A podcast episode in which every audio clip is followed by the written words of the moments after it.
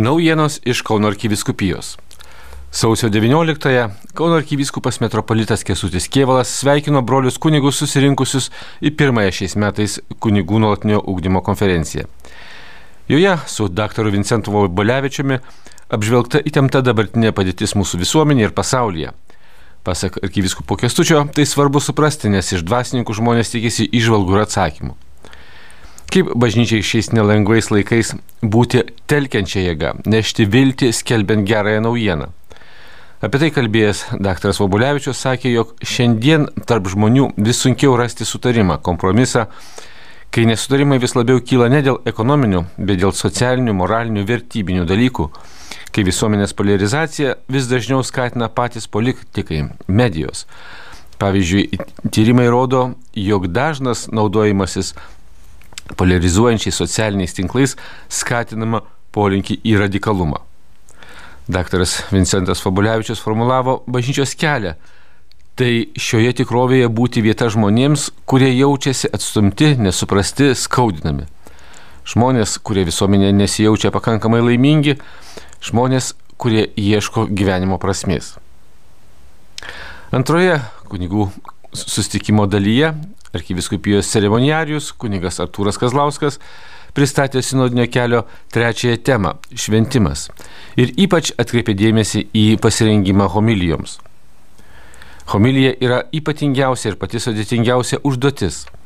Popiežius Pranciškus pats asmeniškai jai skyrė ypatingą dėmesį. Su broliais kunigais dalyjosi mintimis Artūras Kazlauskas apie liturgijos šventimą Pasiremiant popiežiaus paraginimo Evangelijai Gaudijum išvalgomis, aptarta, kas būdinga gerai homilijai, kad nekentėtų nei tas, kuris ją sako, nei tas, kuris jos klauso.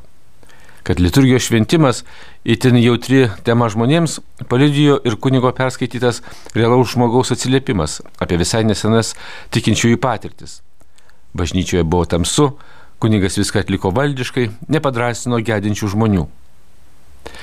Galėtume daug kur patobulėti, tikrai išvesdami, o ne tik atlikdami pareigą, sakė kunigas Kazlauskas savo broliams, atkreipdamas dėmesį, jog Vatikano antrojo susirinkimo numatyta liturgija yra bendruomeninis šventimas, kai ir pasauliečiams patikima atsakomybė aktyviai tarnauti. Pavyzdžiui, svetingai sutikti bei palydėti žmonės į vietas bažnyčioje, skaityti skaitinius ir kitą. Prieš kalbėdamas pats kunigas turi būti Dievo žodžio klausytojas.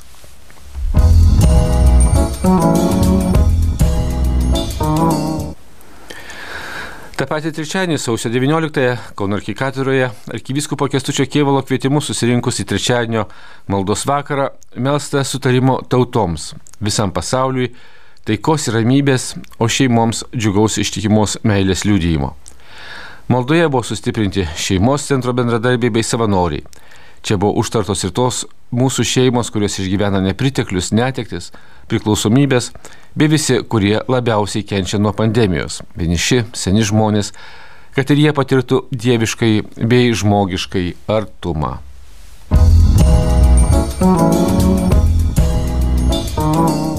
Jono Pauliaus antrojo piligrimų centre sausio 14-ąją vyko Kauno pirmojo dekanato kunigų konferencija skirta piligriminių kelionių organizavimo galimybėms aptarti. Pasak dekano monsinjoro Vytauto Girgaravičiaus, per keliones žmonės keičiasi, piligriminės kelionės juos suartina, užsimesga artimesnis tarpusavio santykis.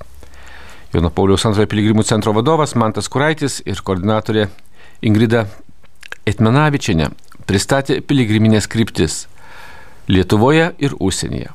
Pandemijos laikotarpis pakoregavo ir silovadinius planus, taip pat buvo atrasta ir gyvoji piligrimystė. Į Šilovą taip pat Dar labai naujas maršrutas tai Piligriminis Kaunas, parengtas kartu su Kauno turizmo informacijos centru ir skirtas šiems Europos kultūros sostinės metams.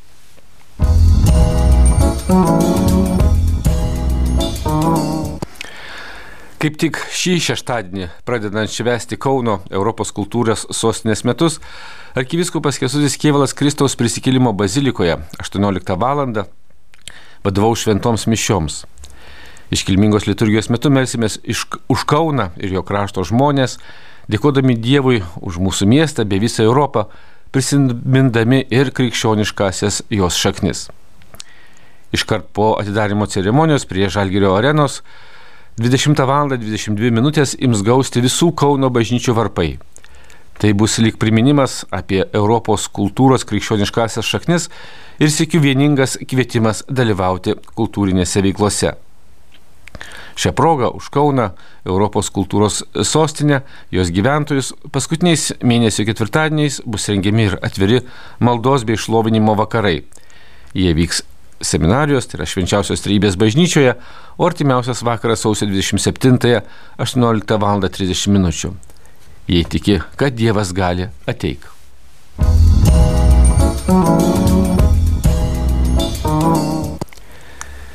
Tęsiasi maldos už krikščionių vienybę savaitę. Tad arkivistupas Kestutis Kievalas meldžiasi ir kviečia mus visus melsis už krikščionių vienybę šią maldų aštuondienio savaitę užbaigsime sausio 25-ąją, antradienį, 18 val. Kaune, Evangelikų Luteronų bažnyčioje, Muitinės gatvė 8.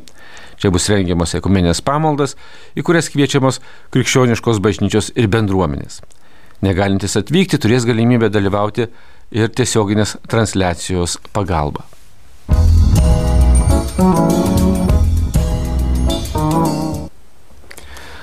Kauno arkiviskupijos teritorijoje esančios bendrojo lavinimo mokyklos jau ketvirti metai vyksta mokinių kūrybinio dailyraščio ir piešinių konkursas, pavadintas Geroji žinia, pagal Mato Evangelijos eilutes.